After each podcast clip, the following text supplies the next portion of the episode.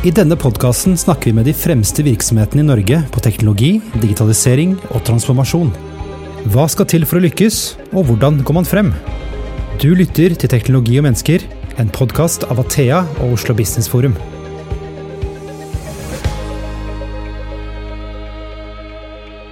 Da er vi tilbake med en ny episode i podkasten Teknologi og mennesker. Mitt navn er Christian Brostad.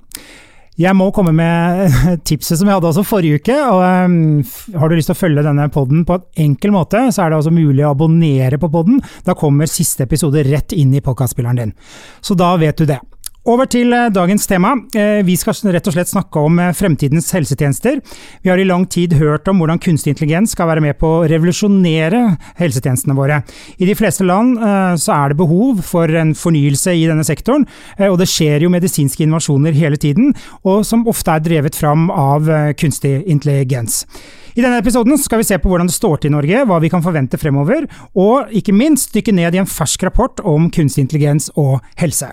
Ukens gjester det er eh, Tore Tennø, som er direktør i Teknologirådet. Og så har vi Daniel Sørli, som er co-founder på norsk, og daglig leder i Dr. Drop-In. Velkommen til dere. Takk, takk, takk.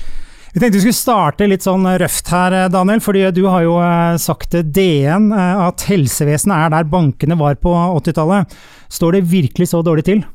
Ja, nesten. Det er blitt litt bedre de siste årene. Uh, og hovedgrunnen til det er uh, Helse Norge, den portalen som lar innbyggerne gå inn, og sjekke i hvert fall litt om sin egen uh, helsehistorikk.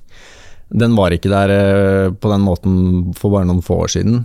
og det jeg mente med det sitatet, var at hvis du skal vite noe om blodprøvene dine, eller eh, tidligere besøk ved sykehus, eller noe rundt helsen din, så måtte du fysisk gå til fastlegen eh, for å få utskrift, eller altså be om utskrift og få det sendt over.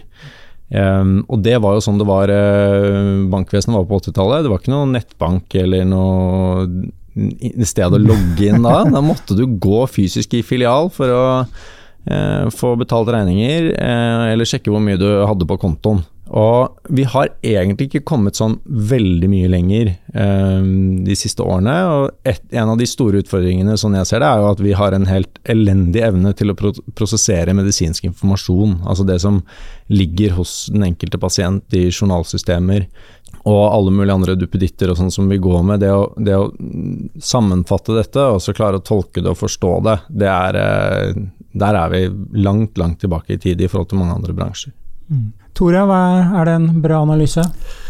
Jeg tror den var riktigere før pandemien enn etter pandemien. For da skjedde det noe. Og si, digitalisering skjøt fart. Uh, vi jobba hjemmefra, f.eks. Uh, ved hjelp av digitale verktøy. Mm.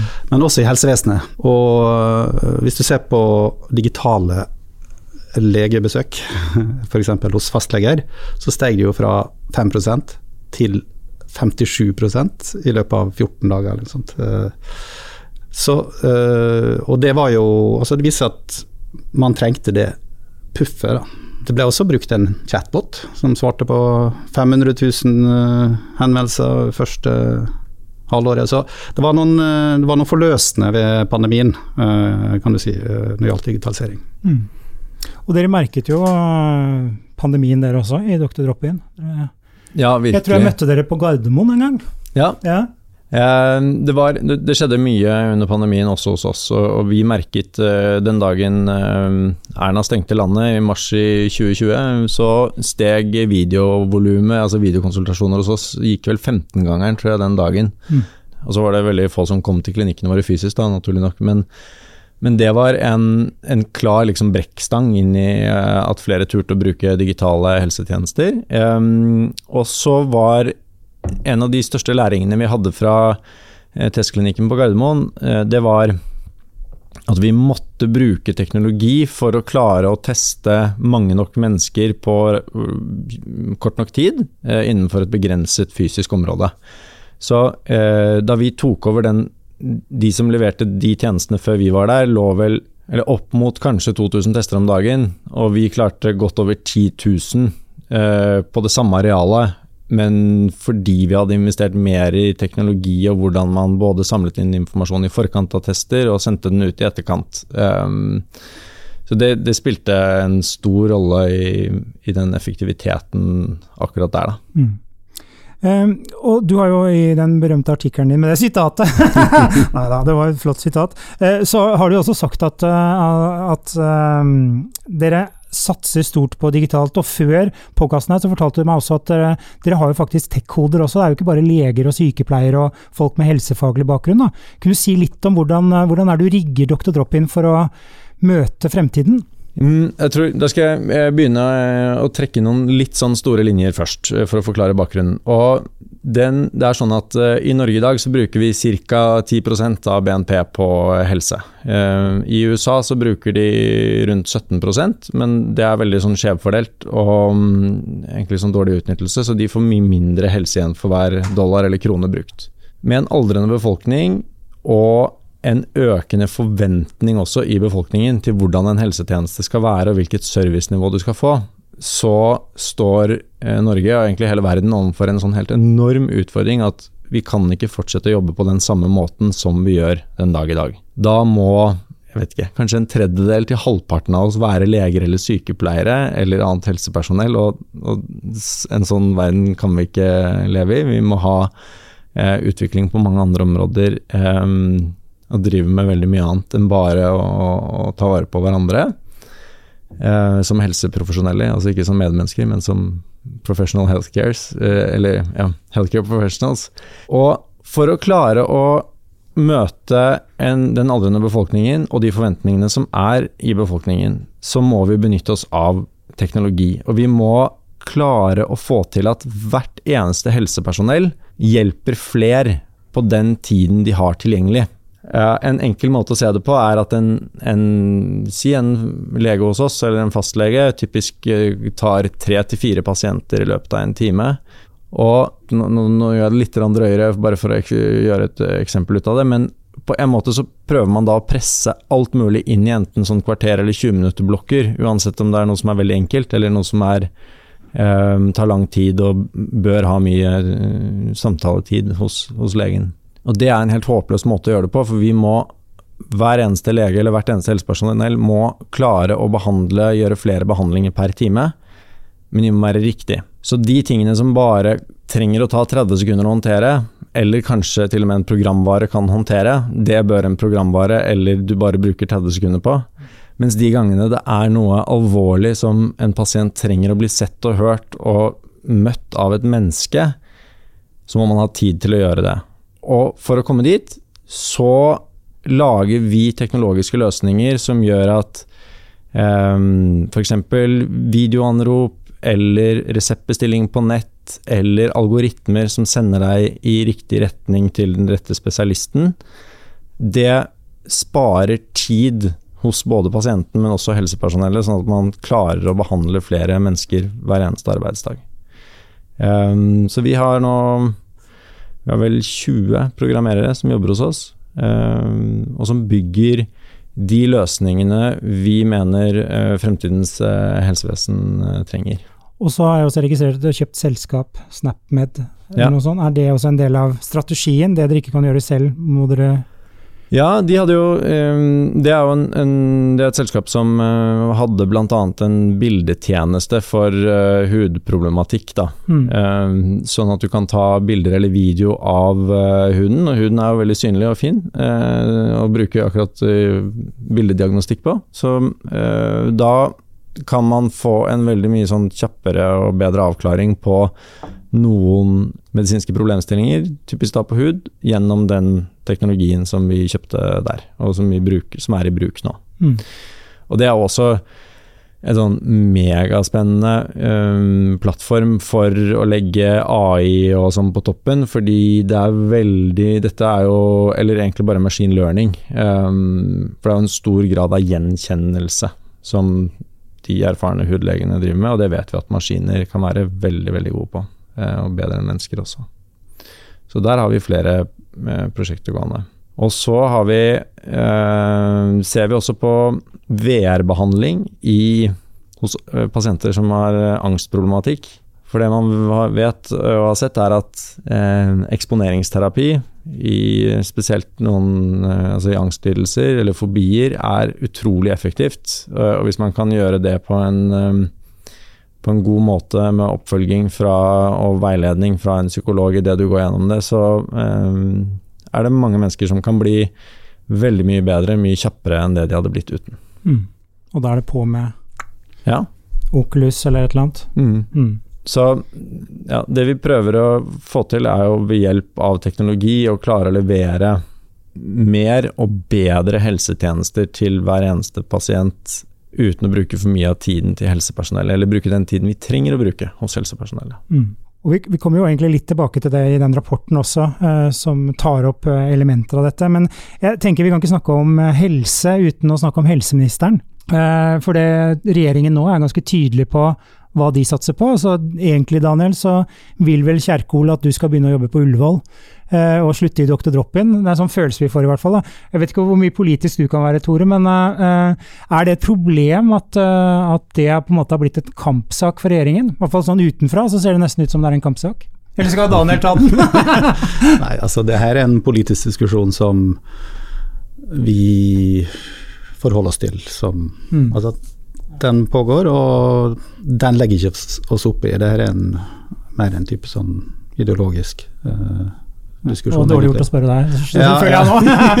Eh, men eh, Daniel, du har jo jeg kan ha en mening om det. Du, du kan ha mening om det. ja, og det er Jeg syns jo Jeg, jeg synes jo det er synd at uh, både vi, men også mange andre helseteknologiselskaper i Norge kjenner på en sånn uvilje eller motvilje kanskje fra regjeringen fordi helse eh, historisk sett i Norge kun har vært offentlig. Og jeg er en veldig sterk tilhenger av at vi må ha et sterkt offentlig helsevesen, og det skal være like helsetjenester for alle. Det er sånn en del av liksom grunnmuren i et, uh, et, godt demokratisk samfunn, da, tenker jeg. Um, og, men jeg er ikke nødvendigvis enig med alle politikerne på Stortinget på hvordan den leveres, eller hvem det er som leverer den. Uh, så det, jeg tror det, Der kan ideologien få lov til å liksom uh, Der kan man ideologisk ha forskjellige meninger, men at det offentlige skal være leverandør, er uh, udiskutabelt, og at alle skal ha tilgang på gode helsetjenester. Det som skjer, er at vi går jo ut i det private markedet og skaffer mye kapital for å utvikle det vi tror er fremtidens helsetjenester, og som gjør at vi får et konkurransefortrinn overfor de andre i det spacet vi opererer. Hvor vi klarer da å levere bedre eh, helsetjenester en, en, til en enda, enda, lavere kostnad for oss som selskap. Og for å få til det, så må du Nå er det, det er teknologi som er svaret på å få til det.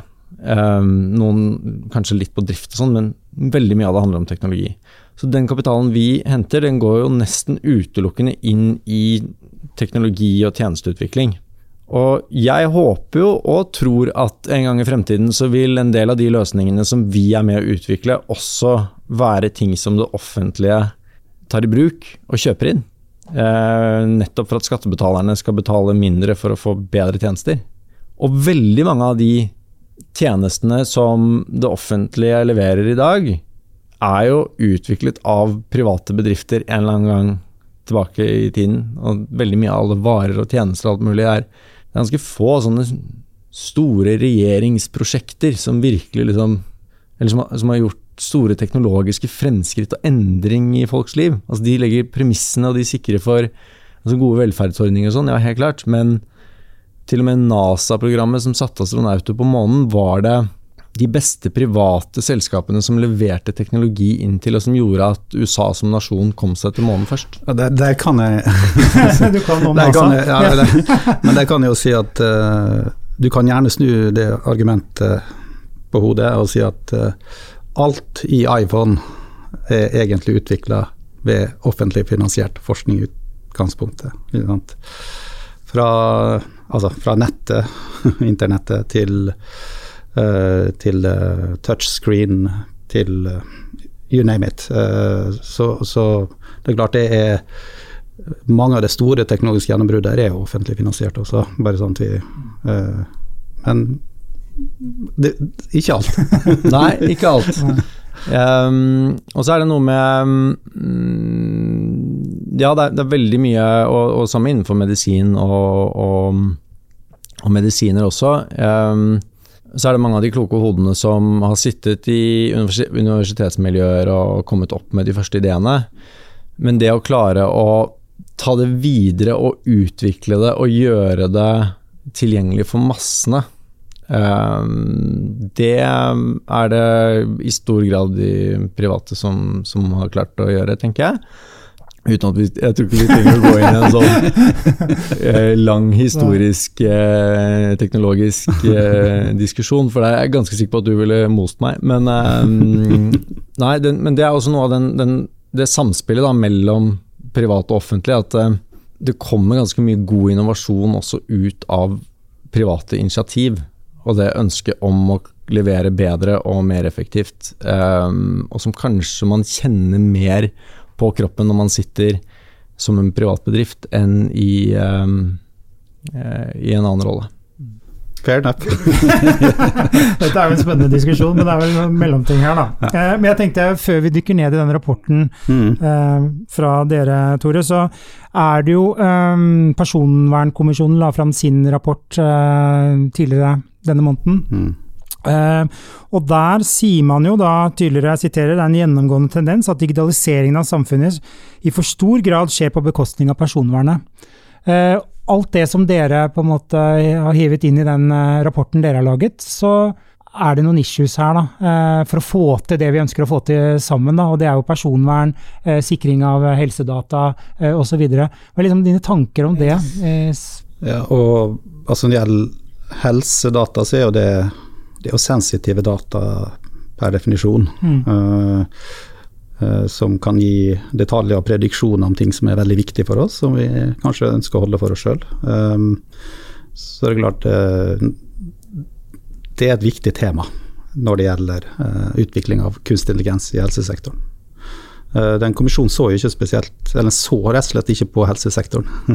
Jeg tror den tenkte på den digitaliseringa vi har sett siste 10-15 åra, det er jo store amerikanske selskap som har eh, støvsugd data fra hele verden, egentlig. Eh, jeg vet ikke hvor mange titusener av datapunkter om meg som ligger i eh, forskjellige datasentre rundt omkring. Um, og det har vært totalt uten spesielt Altså uten god regulering. Der, uten at vi egentlig har visst om hvor mye data som har blitt samla, og hvor mye prediksjon eh, du kan gjøre om hvordan vi kommer til å handle hvis vi gjør noe. Eller hvis vi, hvis vi får en stimuli. Da.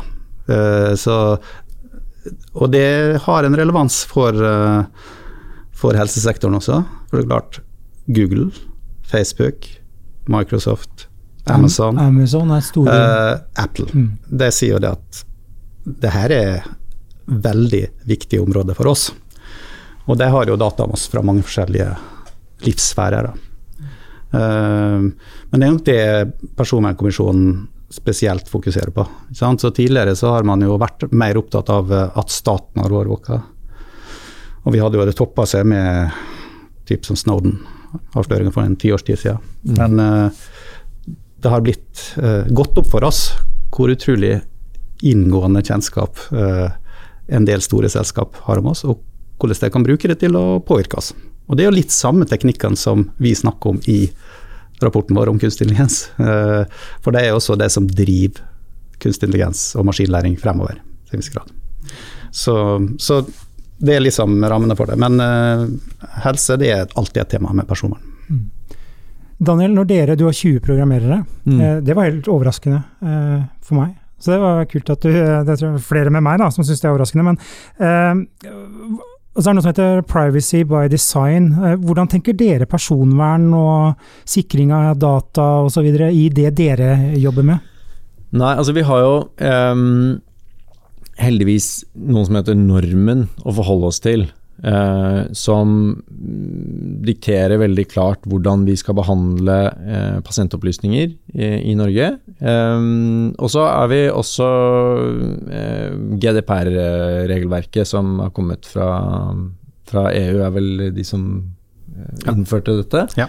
Eh, og det har på en måte vært både normen, men også hele GDPR-reglementet har ligget til grunn i all utvikling vi har gjort eh, fra starten av. Og vi har jevnlige eh, reviews og møter hvor vi gjennomgår på en måte alle typer programmer vi bruker, og ja, hvilken plattform de ligger på, hvor serverne deres er. Alle disse tingene har vi eh, ja, Tech-teamet har en månedlig gjennomgang på det, og så har vi en årlig sånn større gjennomgang på det også.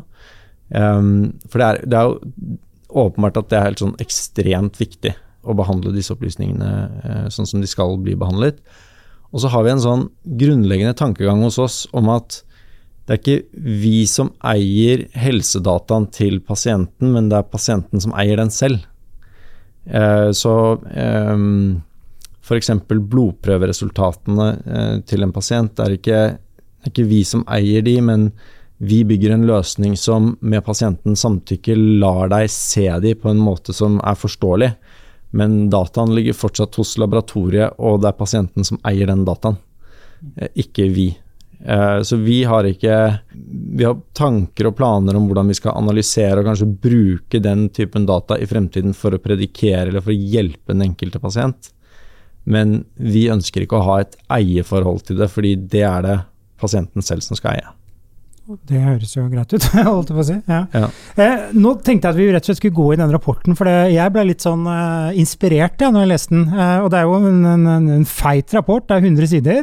Vet ikke hvor lang tid dere har brukt på den? Et års tid eller noe sånt. Ja. Eh, vi, vi jobba da med en ekspertgruppe eh, av folk som kunne helse og medisin og maskinlæring, og våre egne prosjektledere.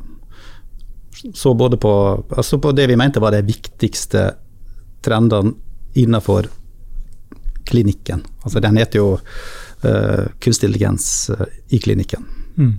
Så har vi ikke sett på sånn uh, legemiddelforskning f.eks., uh, som er veldig interessant.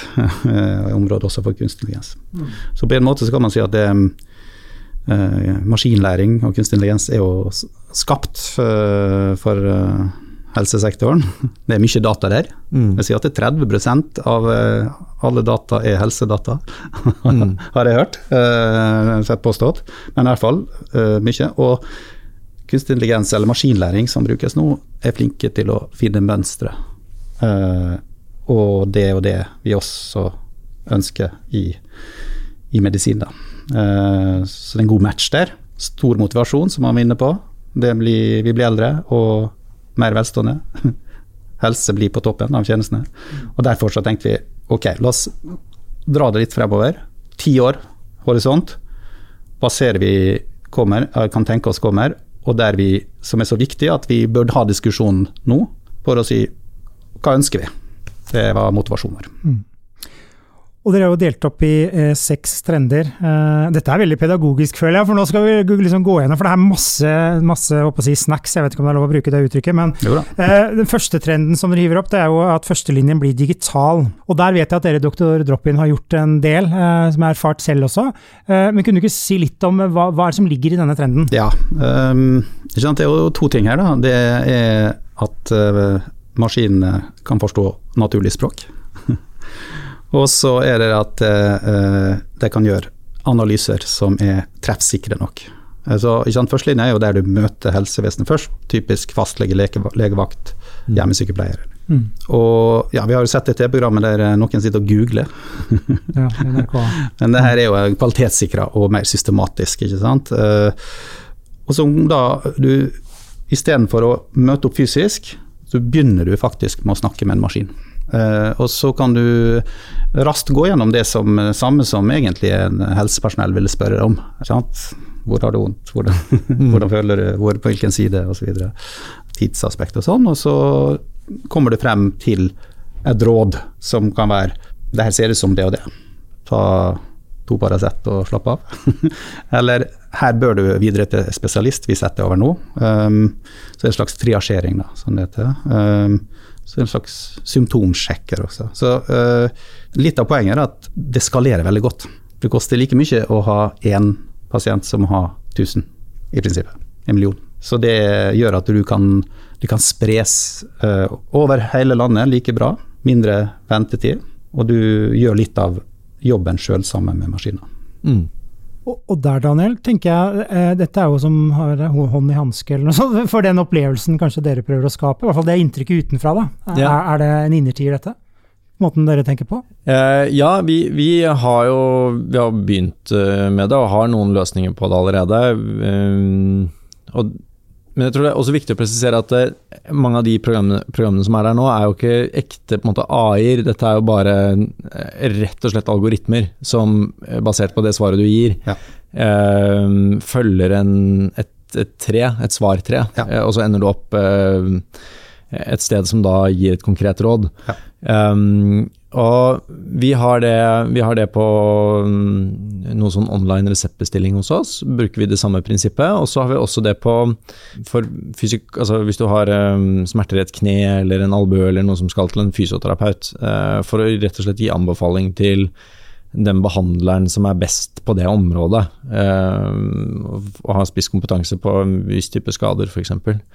Um, og så kommer vi nok til å benytte oss veldig mye mer av det nå eh, fremover. Eh, det er alltid en avveining der fordi mm, det er ikke alltid gitt at pasientene syns det er veldig gøy å svare på 25 spørsmål eh, digitalt før de kommer til hvis, hvis du har et stort mm, ønske om å snakke med et menneske, enten over video eller telefon eller faktisk fysisk møte.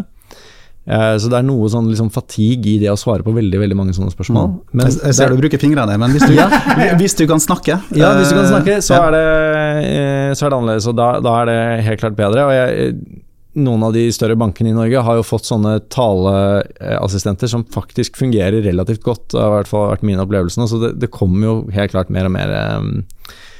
Og vi kommer ikke nødvendigvis til å utvikle alt selv, men være ivrig til å ta det i bruk når det er så bra at det tilfører mye verdi både for pasienten og helsepersonellet. Så, Um, så kan du tenke deg at uh, det utvides også til at du kan ta bilder, da. Du sa jo det med Ja. hud, ikke sant, og at det kan være en del av analysen uh, Yes. innledningsvis. Og så, hvis du får enda mer smartness inn i dette, og du kan koble den, de svarene pasienten gir, enten via fingrene og trykke på svar, eller snakke med maskinen, med lesinger av hvordan pasienten har hatt det den siste tiden. Eh, hvordan pulsen har vært, hvordan du har sovet, hvilken temperatur du har. For hvis du gjør det, så kan den informasjonen du får ut av de eh, algoritmene være helt ekstremt mye mer verdifull, fordi en pasient som har fem til ti hjerteslag mer per minutt enn, altså det siste døgnet enn det de har hatt før, det sier egentlig det sier en lege veldig mye, men det bør også si, og det sier jo da åpenbart denne programvaren også veldig mye, så anbefalingen om å oppsøke hjelp har da enda større validitet enn den ville hatt hvis den ikke hadde den informasjonen også. Og der, sant, der kommer det et vell av muligheter nå for å koble sammen eh, både informasjonen pasienten forteller, og det man kan lese ut av kroppen. Mm. Og Så kan vi få snakke oss- med Apple-klokka di. ja. Eh, ja, det driver vi med, da. Vi legger jo til rette for det på våre plattformer, at vi kan hente den dataen fra de klokkene og fra de forskjellige produsentene av sånne wearables, som det heter på nynorsk. Mm. Ja, nydelig. Altså bare, kan jeg bare legge til at vi, vi har jo vi, vi, vi sier her er trenden, og så, så har vi ulike signaler, altså ting som finnes i dag. Og så har vi noen sånne her er mulighetene, og her er noe å tenke over. Eh, så her vil det typisk være sånn eh, Ville algoritmene her diskriminere litt? Vil jeg behandle menn og kvinner forskjellig, f.eks.? For eksempel, ikke sant? Eh, det kan du tenke deg, for det, det er jo basert på historiske data til dels. eh, Og da har det kanskje menn fått en annen type eller bedre oppfølging. Who knows? Um, og det, så sånne ting er viktig å ha en eh, kontroll på. Da. Hva er det egentlig eh, altså er, det treffsikkert, det her? Eh, Og Det er et veldig godt spørsmål, fordi de fleste medisiner og mm, alt mulig annet vi har innenfor den medisinske sfæren, er basert på kunnskap om hvit mann, alder 35, frisk fra tidligere, som har fått det er deg, det. en eller annen intervensjon. Ja, ja, han er blitt litt eldre, da, men det er, Ja, ok. det er, det er, det er, det er så snevert ikke sant, som de har hatt eh, Eller veldig mye av forskningen faktisk er basert Ja, på. Så det er, det, er en, det er helt riktig, og det er en bekymring jeg også deler. Eh, at det kan være en diskriminerende faktor i den teknologien fordi kunnskapsgrunnlaget den er basert på er så biased mot en retning. Definitivt. Ja. Eh, Da prøver vi på trinn to. Ja, ja. Kjør på. Eh, og da, Den handler om at helsepersonell får digitale assistenter, som det står. Og så Da regner jeg jo med at vi ikke snakker om Siri og Alexa og, og Google. Men hva er digitale assistenter i denne konteksten? Uh, nei, det er jo uh, digitale assistenter som uh, eh, har blitt trent opp og kontinuerlig eh, oppdatert på ja, medisinsk litteratur. eh, kanskje fra, fra pasientjournaler, eh, erfaring fra lignende pasienter. Og kanskje også med eh, eh, kan overvåke pasientens tilstand hvis du får data. Men det er altså en beslutningsstøtte for helsepersonell, helsearbeidere. Det ble jo sagt her i sted at vi trenger Alle kan ikke jobbe med det, men det her gjør jo at det, flere i, som jobber med helse, kan gjøre flere ting. Eh, du får en, en kvalitetssikring og råd eh, som gjør at du kan føle deg tryggere på at det du gjør er, er oppdatert og god kunnskap. Så dermed så Man snakker i USA om at man skal være on top of your license. Eh, så ikke sant, eh, sykepleiere vil ta over legeoppgaver, f.eks. Uh, da.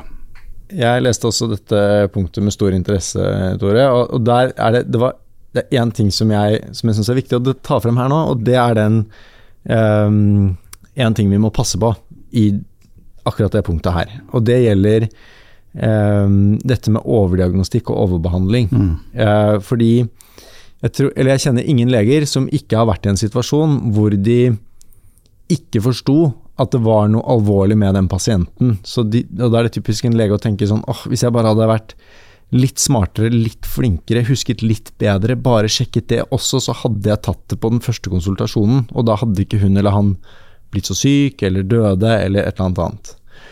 Og disse eh, assistentene vil jo da typisk hjelpe deg å komme på de tingene. Ja, Sånn at du ikke får den her forankringsbias. At du, ikke, du ser et symptom, fester med det, og så begynner du å tenke ut Yes. derfra. Men den, den kan i teorien ha en bredere inngang. Og, Ja, og så er og da, men problemet da, sant? når du har noen som alltid hjelper deg husker huske på de sjeldne og vanskelige tingene, og den ene gangen det der ene glapp og sånn og sånn, Dr. House eh, Ja. på en app, liksom. så kan det jo ende opp med at en pasient som kommer med som har litt vondt i halsen, og som i en normal setting får beskjed av legen sånn Vet du hva, jeg tror bare det er en virusinfeksjon, og dette kommer til å gå over. Men hvis legen ved hjelp av denne assistenten sier sånn det er mest sannsynlig en virusinfeksjon, og så er det 0,5% sannsynlighet for at det er kreft i strupen. Og så er? Så, fordi det, det, det kan jo være det også, men man kan ikke påføre Man må liksom passe seg for å ikke påføre pasientene masse bekymring og gjøre masse ekstra tester Ja. fordi man har teknologi som hele tiden kommer på at litt vondt i halsen kan også være disse fem kjempealvorlige diagnosene. Og så må man bruke liksom det kliniske skjønnet da, inntil teknologien blir så god at den helt fint selv skjønner at sånn, nå trenger vi, dette trenger vi ikke ta opp i det hele tatt, eh, med mindre det kommer noe mer. Også, eh, for vi også- ja. ikke uff, Vi må ikke ende opp et sted hvor vi tester absolutt alt på alle hele tiden, for da blir det bare masse då, det blir bare uhelse av alt sammen. Ja, og så er det jo slik at uh, man kanskje ikke tør å gjøre noe annet enn det beslutnings... Eller assistenten, digitale assistenten tilbyr, eller foreslår. Ja.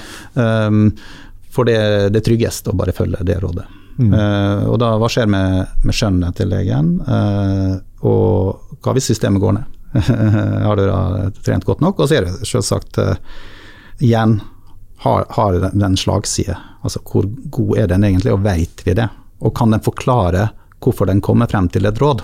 Mm. Eh, det er viktig også for læringa i helsevesenet, tenker jeg. Eh, men jeg, den her er jeg ganske trygg på kommer til å bli en større og større del av hverdagen til alle helsearbeidere. Dette kommer til å komme. Og mm, jeg er sikker på at vi, kom, vi skal få det til å fungere på en god måte uten å påføre masse unødvendig undersøkelse og diagnostikk av Mm. eh, pasienten. Og så ble jeg spurt der i sted om han hadde tekno, teknohoder, som du kalte det, eh, hos seg. Um, Eller tech-hoder, da. Tekno er Tech-hoder. vel musikk? Ja. er ja, ja, ikke sant? Kanskje vi har noen av de Ja, Mangfold. Men eh, altså, eh, medisinere på, på legeskolen, da, så eh, trenger man jo også å lære hvordan slike systemer, altså maskinlæringssystemer, fungerer. Hva ligger bak en anbefaling? Å ha innsikten så du rett og slett forstår hvem det er som gir deg råd, og hvor det kommer fra. Det tror jeg. Du må, du må Teknologi må inn i skolen egentlig på alle Ja, jeg tror det. At det, dess mer vi skal sant, Det her blir den nye uh, sidekicken din. Du må forstå hvor det kommer fra.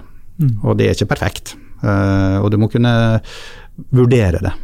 Eh, men Daniel, litt nysgjerrig, fordi at uh, det har selvfølgelig en slagside det her, uh, som du fortalte om. Men i hvilke situasjoner kan sånn beslutningsstøtte, second opinion-aktig uh, ting være nyttig, da? Eller er det sånn at man egentlig bare skal behandle det med forsiktighet, og så egentlig la legen bestemme?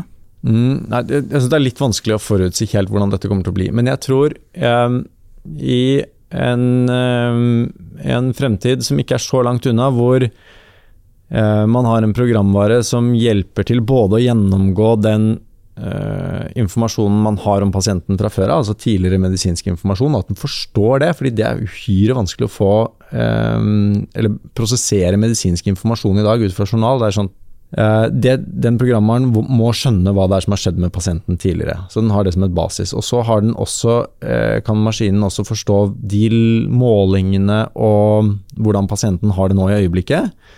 Eh, og så kombinerer du det med det pasienten rapporterer og sier hvordan hun eller han har det, og en del blodprøver og litt sånne andre ting som man også tar i sånn situasjonsbilde.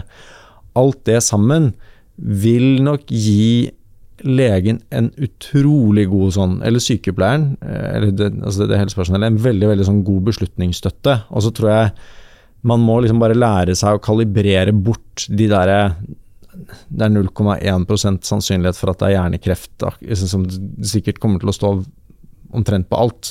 Ehm, det må man liksom bare ta bort. Og så, hvis pasienten kommer igjen etter noen dager eller noen uker presenterer de samme symptomene, så er det også noe den samme maskinvaren må forstå.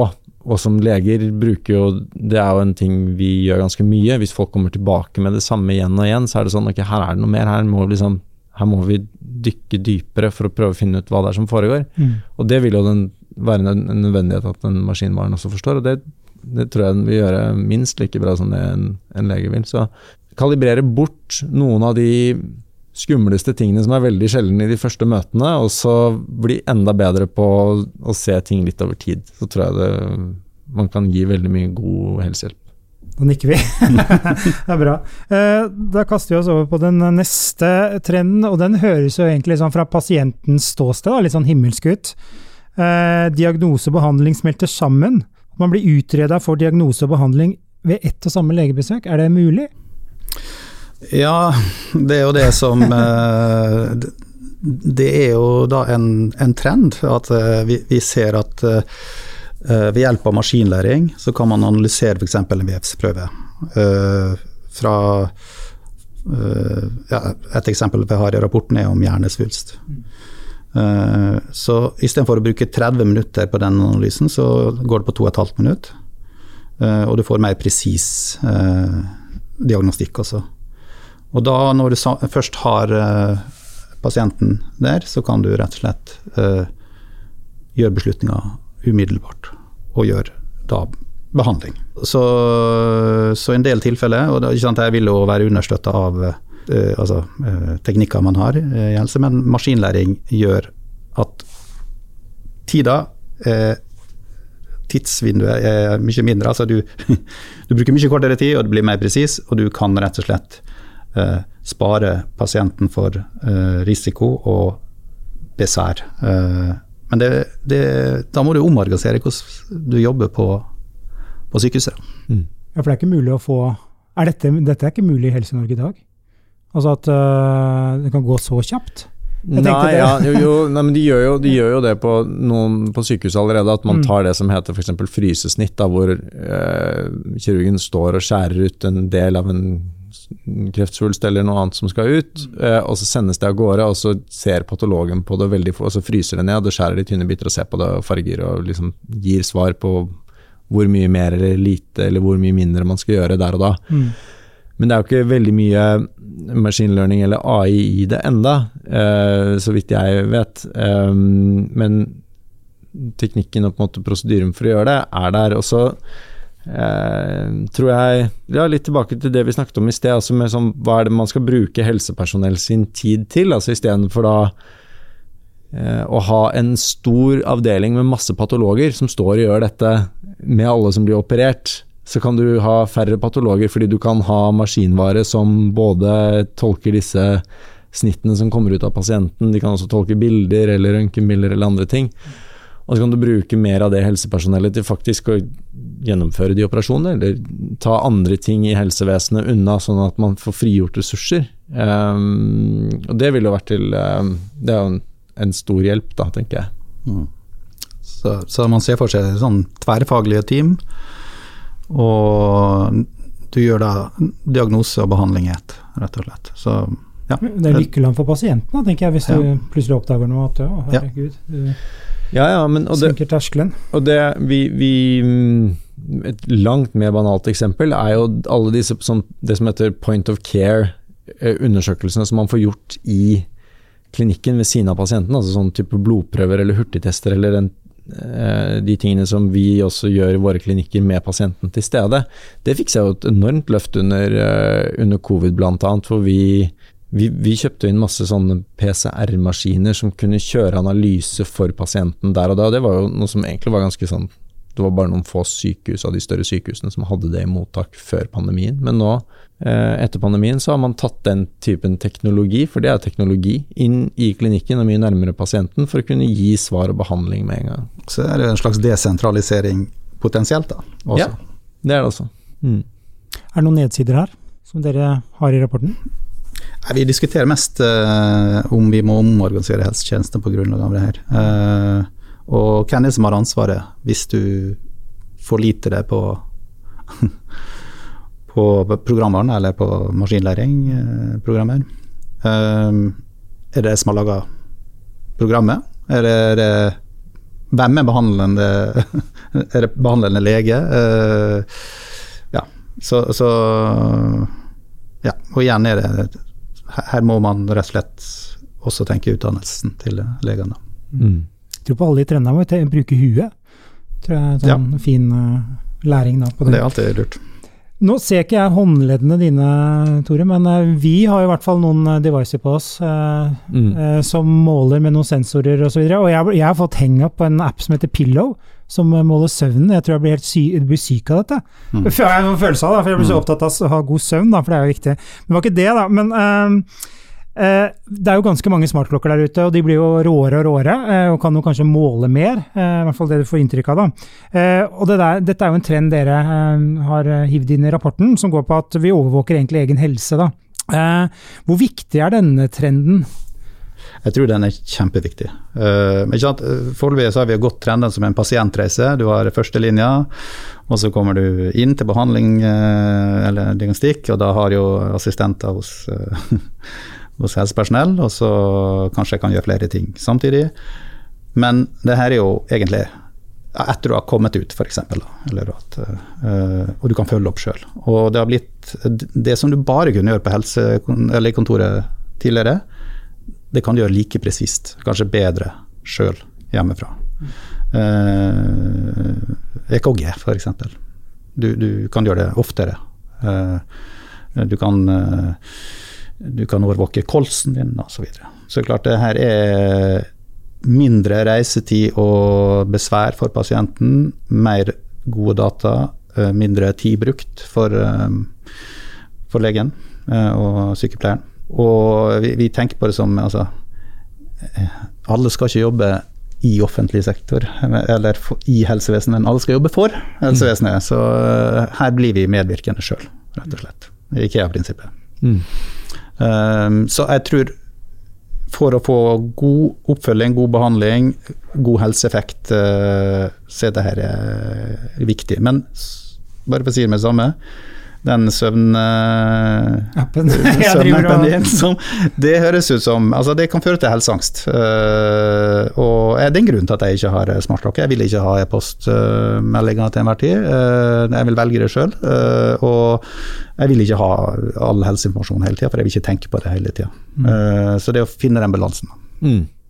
Jeg er helt enig, og det, det er et viktig poeng at de, en del av de devicene kan gi helseangst og faktisk føre til en del sånn unødige eh, helse besøk hos lege og sykepleier og sånn. Så det jeg tror hvis man skal tenke hvordan denne teknologien virkelig kan komme til nytte, så vil det jo være at si du hadde hatt en kronisk sykdom, eh, Tore, og du måtte gå til legen og måle blodtrykket eller um, INR-verdien i hvis du tok marihuan for en kunstig hjerteklaff eller et eller annet annet. Så du måtte være hos legen en gang i måneden og måle det, og så fikk du et device som gjorde at du kunne måle det samme hjemme.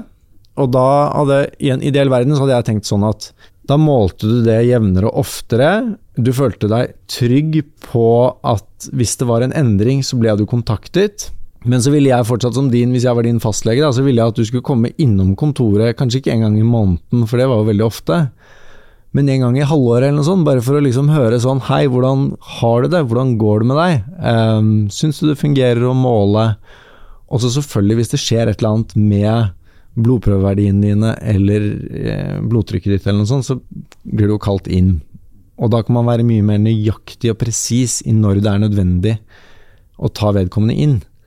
Eh, sånn at du bruker egentlig mindre ressurser og mindre tid både hos pasienten og helsepersonellet for å kontrollere og, og, og holde styr på en kronisk sykdom. Men så må vi aldri miste den der, litt den menneskelige faktoren. Du, ja. altså, vi har jo et godt eksempel med diabetes der mm. diabetikere, eh, eller personer med diabetes, ja. gjør, gjør, jo stadig mer sjøl. Mm. Hands on. Får hjelp til å justere. Uh, det er noe helt annet enn å ha syke, sukkersyke for 30 mm. år siden eller 40 år siden.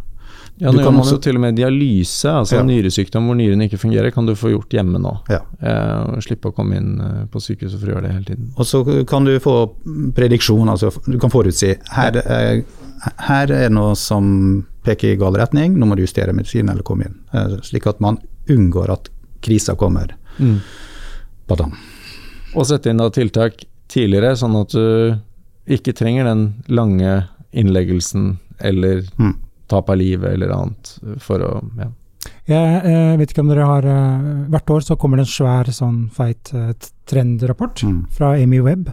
Og mm. den rapporten som kom i år, den er enda feitere enn deres rapport, altså. Eh, ja, ja. og der er det kjempemye om helse. Helse er en av de tingene hun peker på, da. Og apropos det der med selvsjekk, hun snakket om eh, et selskap nå som kan levere analyse av avføringen din. Så når du sitter på do, så, eh, så ja. analyserer de det da som kommer ut der, mm. og rett til legen, da. Så, så, det høres jo helt sånn eh, psycho ut, men uh, det er kanskje den verden det går, da. Men du sa jo tidligere, Daniel, ikke sant, det der med å Når man kommer på besøk til deg og skal ha hjelp med et eller annet, så har du liksom sykehistorikken, du har hvordan du føler deg i dag, og så har du egentlig alt det du samler inn på sånne sensorer, da, som kan være bra. Så det er ikke bare depressivt, det her. Altså, vi får ikke helseangst hele veien her. Nei. Nei.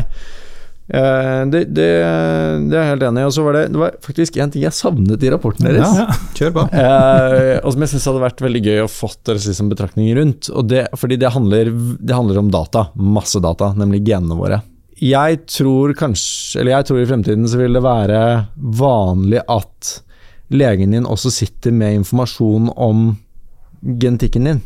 Hele, altså, du er fullsekvensert, hele, hele genetiske materialet ditt. Fordi, og det gjør man ikke for å bare spre angst og at det kanskje blir sånn eller sånn. Den informasjonen blir utrolig viktig å bruke på en, veldig sober måte, og man kun intervenerer og gjør ting når man vet at um, det spiller en forskjell. Uh, og når det har noe å si for ja. måte, livsløpet, og det er noe man kan gjøre noe med. Kan du gjøre noe med det helt ja. altså, Hvis du sa til meg at jeg får Alzheimer om uh, åtte år, men det er ingenting vi kan gjøre med det, uh, med det nytt livet, så ville jo det motsatte vært tilfellet for min del. Ødelagt åtte år av livet ditt ja. de siste åtte årene. Så, jeg er helt enig. Så, og det, men de tingene går det an å sette ganske klare regler for. hvordan type informasjon det er man får lov til å dele. Det som er spennende med det, er at eh, kunnskapen om gener og det som, man, det som, heter, det som blir litt sånn polygenetikk, som er hvordan ikke bare enkeltgener, men mange gener i det enkelte individ spiller sammen for å drive en sykdomsutvikling, f.eks. Eller om en medisin virker eller ikke. Så Et eksempel på dette vil være at i Norge har vi det er hundretusenvis av nordmenn som står på statiner, som er sånn kolesterolsenkende medisiner. Og så vet vi at vi må, vi må behandle flere hundre mennesker med statiner for at ett menneske ikke skal få slag eller hjerteinfarkt. Så vi, det er jo ganske sånn villbehandling, på en måte, som man mm. sprer det utover fryktelig mange mennesker for å prøve å liksom redde noen liv. Men med bedre genetiske analyser, så vil det være mye lettere å kunne si at Tore, du trenger jo ikke ta de statinene, fordi um, selv om kolesterolverdien din er litt sånn og sånn, så sier uh, genmaterialet ditt at du ikke kommer til å ha noe nytte av å ta de medisinene. Så du trenger ikke det, og da slipper du å få de bivirkningene med vondt i musklene og ja, ja. sånn og sånn. Kan bare fortsette å spise egg om morgenen. Ja, fortsette å spise egg om morgenen. Uh, eller kan være du skal forholde med at du kanskje ikke skal spise egg hver dag. Men det vi kan si nå, er at det ikke hjelper å ta de medisinene, i hvert fall. Ja. Så da kan vi uh, ikke overbehandle veldig mange mennesker sånn som vi gjør i dag. Mm. Og den miksen av genetikken vår, mm. sånne wearables, eh, sykehistorien, og så koble en, en, en, et dataprogram som er veldig god på å prosessere informasjon på toppen av det, som jo en AI er, det kan jo gjøre at vi er langt At vi kan gi langt bedre helse til mye flere mennesker med egentlig færre ressurser, da, som må være det overordnede målet, tenker jeg. Men så ser du nye sammenhenger, ikke sant. Eh, programmet er jo kanskje finne nye mønstre, og da er det igjen hva har du lyst til å vite, hva har du ikke lyst til å vite. Mm. Og hvor kvantifisert skal du bli, på sett og vis. Hvor stor del av livet ditt skal det, skal det være, som vi snakka om tidligere. Stort spørsmål. Mm. Det må nesten bli en egen episode. Ja, det, det tilbake. Mm. Den siste vi skal trekke fram her. Uh, er egentlig noe som jeg tolket litt sånn som livslang læring. Og så fikk jeg sånne assosiasjoner til um, eh, oppdateringer med IOS på mobiltelefonen. For dere skriver at den siste trenden handler om at utstyr for, forbedrer seg kontinuerlig. Mm. Er det hardware som uh, får uh, litt sånn mobiltelefonen software-oppdatering, eller hva, hva, hva, er det som ligger i den? Ja, uh, sant. det er jo dynamiske programmer, det her. Det er hele poenget med maskinlæring. Når du får nye data, og så vil algoritmen forandre seg. Så på sett og vis så får du godkjenning for ett produkt, eh, men eh, et år eller to eller tre senere så fungerer det annerledes. Mm. Eh, så er det sånn Ok, hvordan skal vi regulere det? Skal vi sjekke det underveis? Skal du, altså, for hele poenget er at det skal være dynamiske.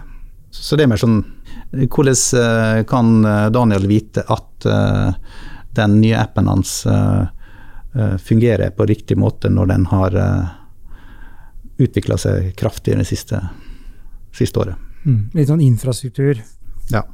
så at eh, ting skal være oppdatert til enhver tid. Mm. Mm. Du, du, glemte jo en mm. trend der, da, bare for å si det. Ja, jeg tenkte jeg skulle ta Dere prater så mye, så jeg tenkte jeg skulle ta en shortcut. Men vi, den er ganske interessant. Det er ikke så mye å kommentere på den trenden, Daniel, men det er forebygging. Forebygging og screening, mm. egentlig. Ja. ja. For screening er litt uh, Altså det er litt problematisk, for uh, du kan ha overbehandling, og det kan uh, føre til at uh, altså du, du, noen kan få skader eller uheldige følger av behandlinga. treffer du egentlig godt nok?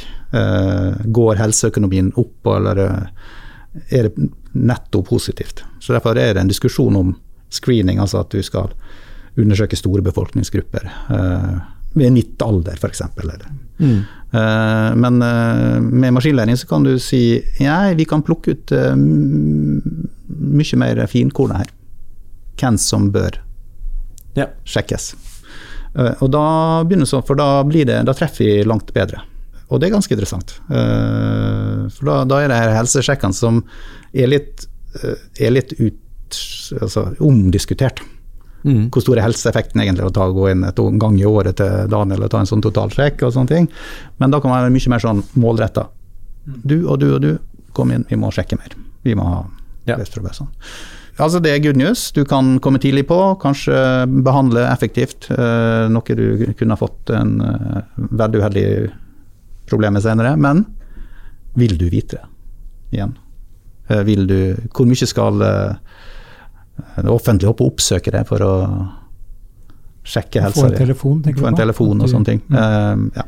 Ja, jeg, jeg synes jo dette, dette synes jeg er veldig spennende. Uh, og jeg syns et godt poeng i denne sammenheng er at vi i Norge i dag, med all den teknologien og ressursene vi har, så har vi egentlig bare to offentlige screeningprogrammer. Og det er det veldig god grunn til. Og Det ene er brystkreftscreeningen hos kvinner, som medisinsk sett faktisk er diskutabel om verdien av. Og så har du livmorhalsprogrammet.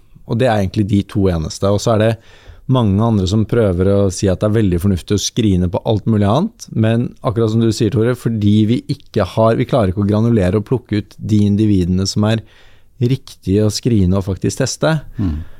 Så eh, blir resultatene av å skrine hele befolkningen så forferdelig dårlig, fordi vi, vi er verken gode nok på å plukke opp de som har sykdommen eller står i risiko for å få sykdom, og så gir vi altfor mange som ikke har sykdom eller står i fare for beskjed om at de kanskje er syke.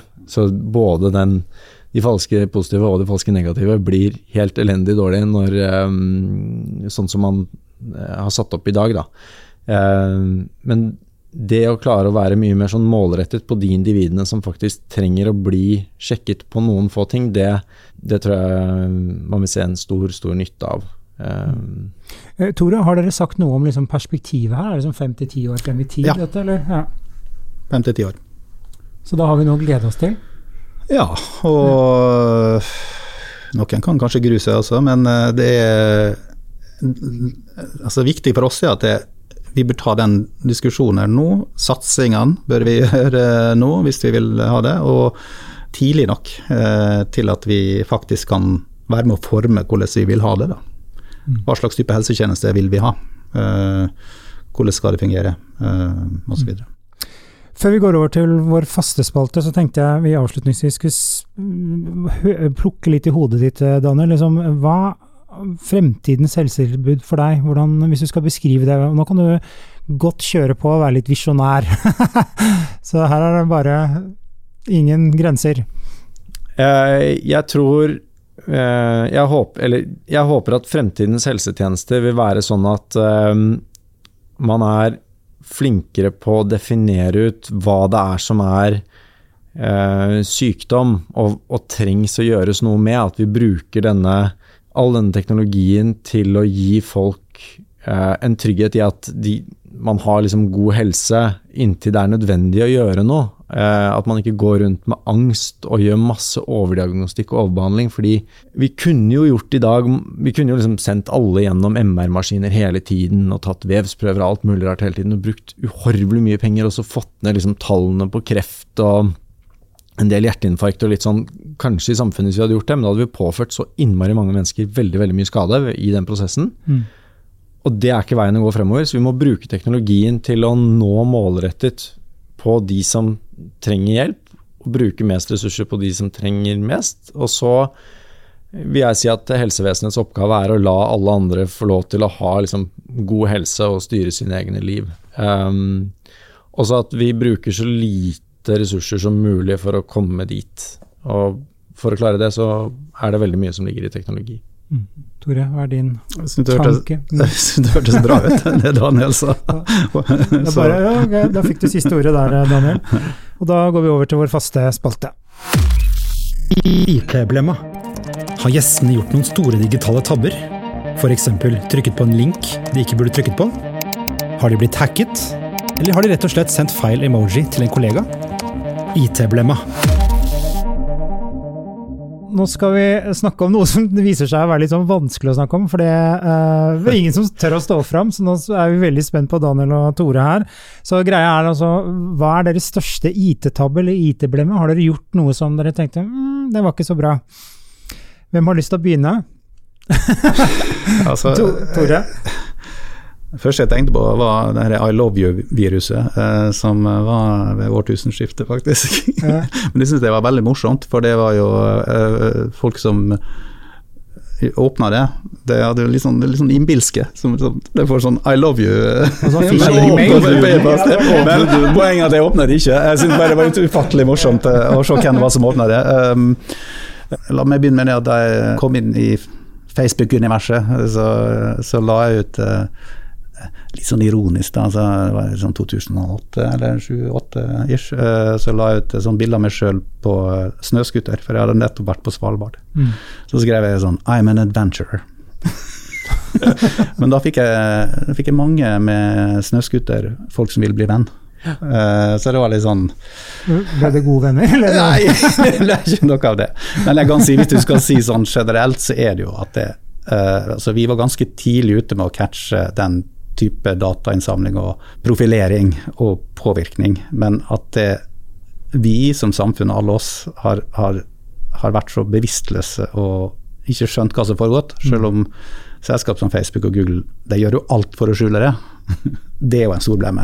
Eh, Det var jo en eh, journalist i New York Times som prøvde å skru av alle eh, connections til Google. Da så du at det i løpet av jeg tror det var en 14 dagers tid, så hadde den telefonen prøvd å kontakte Google 100 000 ganger.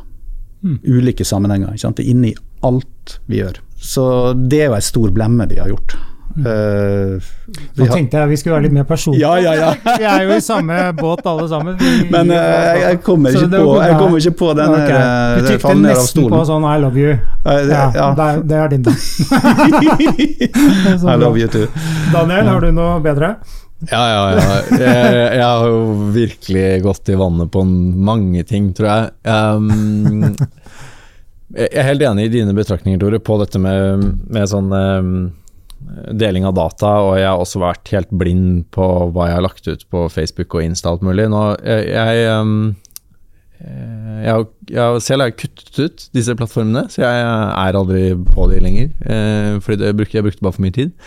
Men jeg, jeg vil si den største IT-blemma jeg har gjort, og dette har vært omtalt i media, altså det er ikke så vanskelig for meg å snakke om, er um, da vi hadde innbrudd på kontoret, og en eh, bankbrikke kom på avveie, eh, som var mange år gammel, men som medførte at over 40 millioner kroner ble borte over natten. Nå leverer du. Ja, nå. nå- nå leverer du problemet. På tabbe. Uh, men uh, det gikk bra. Uh, det ble oppdaget og håndtert. og alle pengene kom tilbake. og de som utførte det, var pågrepet. Og det er på en måte det er et avsluttet kapittel, men eh, det var nok Eller jeg kjenner ikke så mange som har så mye heftigere sånn Beløpsmessig, fall. datablemmer enn en det på, på beløp. Um, så, men, men eh, det gikk bra. Vi har uh, lærte mye, mye av den, den der, heldigvis. Og så håper jeg at mange andre kan eh, slippe å måtte lære det så hardt som det jeg gjorde. Ja, Det sier også bare noe om sårbarheten vår da, for uh, Hvis det er noen som er ute etter å ta noe fra deg uh, innenfor um, eh, teknologispace også, så går det um, så er det fullt mulig, med mindre du er ganske nøye på hvordan du sikrer deg. Hvis det er så smart, så betyr det sårbart. Det er ikke det man uh, sier Mm. om utstyr. Mm. Bra avslutning, Daniel. Ja, Ja, det, dette topper alt vi har hatt eh, denne sesongen. Nei, dette er fjerde episode, men eh, likevel. Jeg legger meg forlatt. Ja. Daniel, Tore, tusen tusen takk for at dere kunne være med, og tusen takk til deg som har lyttet på. Du har nå lyttet til Teknologi og mennesker, laget av Athea og Oslo Business Forum. Liker du podkasten, setter vi stor pris på om du gir oss noen stjerner. Og tips gjerne en venn om podkasten.